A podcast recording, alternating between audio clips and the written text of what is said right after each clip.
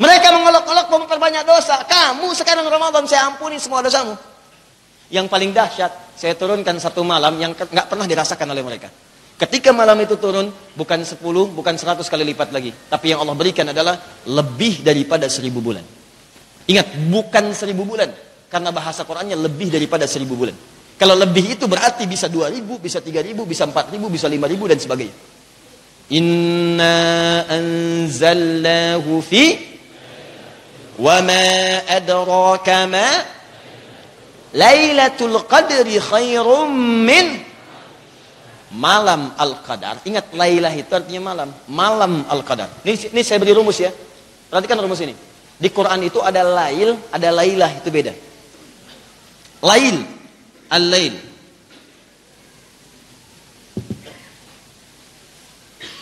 Wal laili idza yaghsha malam. Jadi kalau ada disebutkan lail, itu berarti waktunya membentang dari ba'da isya sampai menjelang fajar. Itu lail namanya. Misal tahajud, ambil sebagian malam, nggak usah sepenuhnya. Dari mulai setelah sholat isya selesai, sunnahnya selesai, tidur dulu sejenak. Anda bangkit lagi, bangkit setelah istirahat sejenak, tidur sejenak, di malam hari, bangun malamnya. Itu dalam bahasa Arab disebut dengan hajada, ha jim dal. Hajada, aktivitas yang dikerjakan setelah tidur di malam hari. Hajada. Kalau aktivitas ini betul-betul Anda ingin rencanakan, disiapkan, berusaha untuk maksimal, bangun, bangun, tambahkan tak di depannya. Kalau ini tidak mudah dikerjakan, tantangannya ada. Nggak seketika pengen bangun langsung bangun. Kadang-kadang begitu bangun, diam sejenak. Bangun jam 3, diam sejenak. Begitu sadar lagi jam 5. Ya? Nah, lihat sini. Kalau pakai tasdid dari kata syiddah, sesuatu yang tidak mudah. Sesuatu yang tidak mudah, rumit. Makanya kenapa disebut dengan tahajud Quran surah ke-17 ayat 79. Paling kiri agak sedikit ke atas. Quran surah 17 ayat 79. Wa minat laili fatahajjad bih Wa minat lail. Dari sementara malam itu tidak usah semua. Sebagian malam dari ba'da isya tiduran dulu. Kenapa tiduran dulu? Ada kalimat tahajud. Hajada tidur dulu supaya bangun malamnya itu lebih fresh, segar. Bacaan-bacaannya itu lebih terasa. Sebab kalau antum nggak istirahat dulu bawaan ngantuk datang, bacaan nggak enak dibacakan. Makanya nanti dalam Quran surah ke-73 itu di Al-Muzammil ya, dari ayat 1 sampai 20 itu Khususnya di ayat yang keenamnya Allah sampaikan inna nasyi'atal laili hiya ashaddu wata'aw wa aqwamu qila. Sungguh bangun malam itu kalimat yang diucapkan yang lebih menguatkan pada jiwa, menyentuh kepada hati. Bagaimana kalimat itu bisa menyentuh, bacaannya bisa menguatkan jiwa kalau kitanya sadar. Eh kalau antunya tahajud sampai ngantuk-ngantuk sih nggak akan menguatkan jiwa. Ya, setan juga nggak capek tinggal niup doang. Bobo.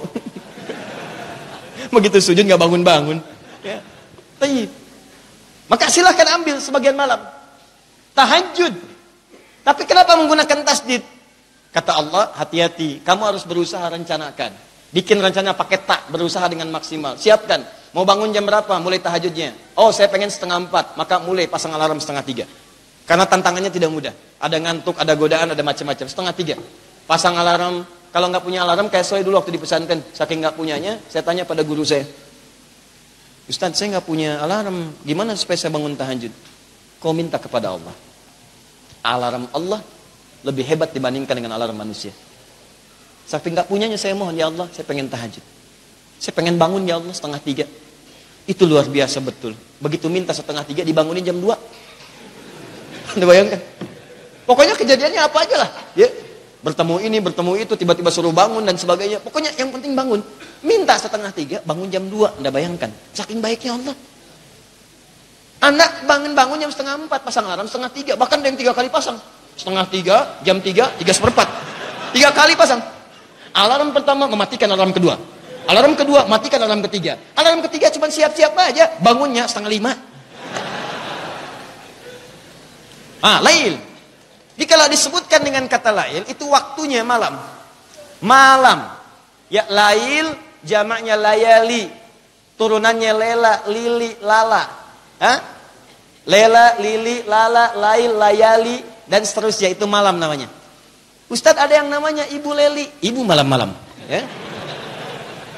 Kalau di malam itu punya keistimewaan, dia istimewa nih. Ada sesuatu yang beda. Ada pahala yang banyak, ada kemuliaan, ada ampunan, ada rasa sayang, ada ketenangan, ada kedamaian. Maka tambahkan tak di ujungnya sebagai sifat kemuliaan itu. Setiap kata al-lail menggunakan tak di ujungnya, maka ada yang tidak biasa di malam itu. Malam yang istimewa. Pakaikan tak di akhirnya. Dari kata lail jadi lailah. Makanya ketika Allah menyebutkan kalimat malam al-qadar, kenapa menggunakan kata lailah bukan lail? Inna anzalna hufi Bukan lail tapi lailah. Sungguh kami telah turunkan Al-Quran yang dahsyat itu di malam yang penuh dengan keistimewaan. Namanya malam Al-Qadar.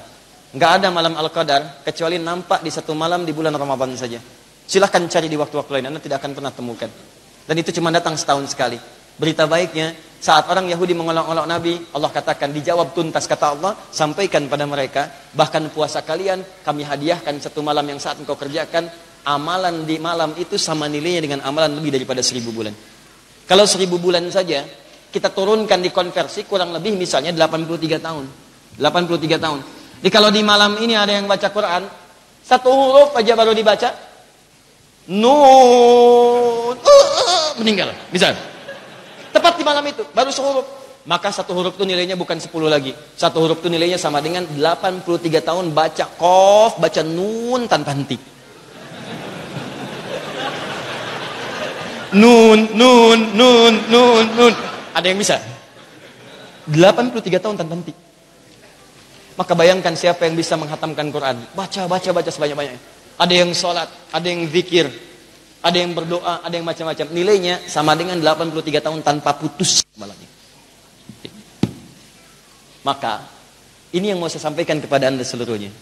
Begitu turun kemudian ayat itu ya ayyuhalladzina amanu kutiba alaikumusiyam semua sahabat bukan sekedar mendengarkan ayat yang turun tapi sudah mendapatkan kegembiraan dengan semua kemuliaan yang tadi disebutkan. Hei yang beriman, hei orang beriman kata Allah, siap-siap, aku akan wajibkan kepada kalian untuk menunaikan ibadah puasa. Seperti orang-orang dulu pun pernah puasa. Kama kutiba alal ladzina min qablikum. Cuman puasa kalian beda. Puasa kalian bukan sekedar puasa, tapi aku akan berikan keistimewaan. Siapa yang puasa, aku ampuni semua dosa-dosanya. Siapa yang puasa, aku lipat gandakan pahalanya. Siapa yang puasa dan berjuang di dalamnya, aku berikan satu malam yang tidak tersaingi oleh malam-malam yang lainnya. Maka orang-orang dulu sampai setelah terbiasa puasa, sampai wafatnya Nabi, itu kalau sudah kemudian teman-teman mau dekat-dekat ke Ramadan, ukurannya bukan hari lagi. Begitu selesai Ramadan, udah nunggu Ramadan yang berikutnya. Ramadan itu kan bulan keberapa? Oh, kan? Tujuh apa delapan? Sembilan. Ramadan bulan ke-9, Syawal bulan ke-10.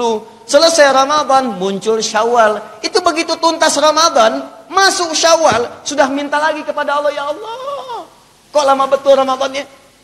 Ya Allah, kalau bisa tuh setiap waktu Ramadan, kalau bisa Ramadan, kalau bisa Ramadan. Apalagi ketika Ramadan sudah mendekat pada waktunya, tinggal dua bulan, itu sudah mulai memperbanyak ibadahnya. Sujud di malam harinya, doanya, minta dikuatkan, ya Allah. Jika pun Sampai ke Ramadan sampaikan dengan penuh ketakwaan. Ya Allah berikan kemuliaan. Ya Allah berikan kesempatan ya Allah untuk mendapati. Ya Allah, ya Allah, ya Allah. Itu bayangkan. Karena menyikapi cara pandang pada Ramadannya bukan melihat kepada beban puasanya. Tapi melihat kepada anugerahnya. Ini yang mau saya sampaikan. Jadi saat anda kemudian mendapati kata Ramadan, bayangkan semua kemuliaan ini. Kalau belum mengerti nih, kalau belum mengerti, Ramadan menurunkan ampunan dari semua dosa. Bayangkan Anda tuh dosanya sebanyak apa sampai malam ini.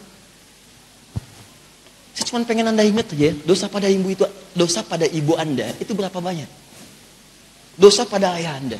Ibu yang pernah mengandung, ibu yang pernah melahirkan, ibu yang menangis darah, mendoakan Anda di malam hari, yang tersakiti dengan kata-kata Anda, yang dengan perilaku Anda, kadang-kadang nangis sendirian di malam hari, nggak pernah pengen kelihatan anaknya, Kadang-kadang minjam sana sini untuk membuat Anda bahagia dari sejak kecil. Yang kadang-kadang setelah Anda dewasa tidak pernah mengingatnya. Bapak Anda. Silahkan cek. Istri Anda, anak-anak Anda. Maaf. Yang kerja di rumah Anda. Yang kerja di kantor Anda, teman Anda, tetangga Anda. Berapa dosa yang pernah dikumpulkan? Belum kalau ingat lagi sedikit-sedikit. Mata. Berapa banyak dosanya? Berapa kali anda menangisi mata yang pernah berbuat dosa dalam sehari? Nabi aja istighfar 70 kali paling sedikit sebelum tidur. 70, 100, 70, 100. Berapa kali anda pernah menangisi lisan anda yang berbuat keliru? Berapa kali anda menangisi kaki anda yang bermaksiat saat di malam hari? Bermaksiat saat di siang hari? Bermaksiat di sore hari? Bermaksiat di siang hari? Berapa kali anda pernah merenungi diri anda? Sedangkan anda menginginkan surga. Demi Allah saya katakan, ada peluang bagi anda untuk mendapatkan semua ampunan yang dirindukan itu. Kalau ditanyakan jujur dalam setiap kesempatan, hampir nggak pernah ada yang menjawab nggak punya dosa. Saya sampai terakhir datang ke satu tempat, saya tanya siapa yang nggak punya dosa, nggak ada yang berani ngangkat. Siapa yang dosanya sedikit diam. Siapa yang dosanya kemudian menengah nunduk. Siapa yang dosanya banyak ngangkat. Ngaku banyak dosa, tapi ketika saya tanya siapa yang pengen masuk surga, semua ngangkat. Aneh nggak tuh? Pengen ke surga. Kata Ali bin Abi Thalib radhiyallahu taala anhu, manusia itu memang agak aneh. Anehnya luar biasa. Pengen ke surga tapi mengerjakan amalan yang menjauhkan dia dari surga. Nggak pengen ke neraka tapi menekuni amalan yang menjerumuskan dia ke neraka. Bagaimana Allah bisa memberikan kemuliaan? Saya ini ada hidayat kalau ingat-ingat dosa rasanya susah masuk surga. Tapi kalau ingat rahmat Allah gitu, ada karunia, ada rahmat Allah, Allahu Akbar, ada harapan kita di situ. Coba dah ingat-ingat Nabi Adam alaihissalam. Cuman sedikit nyicipin sebagai contoh, nyicipin buah kulis sedikit keluar dari surga. Kita ngaku dosa banyak, pengen masuk. Bagaimana kemudian cara menyelesaikannya? Allah turunkan ini Ramadan untuk mengampuni dosa. Eh antum nggak puasa juga.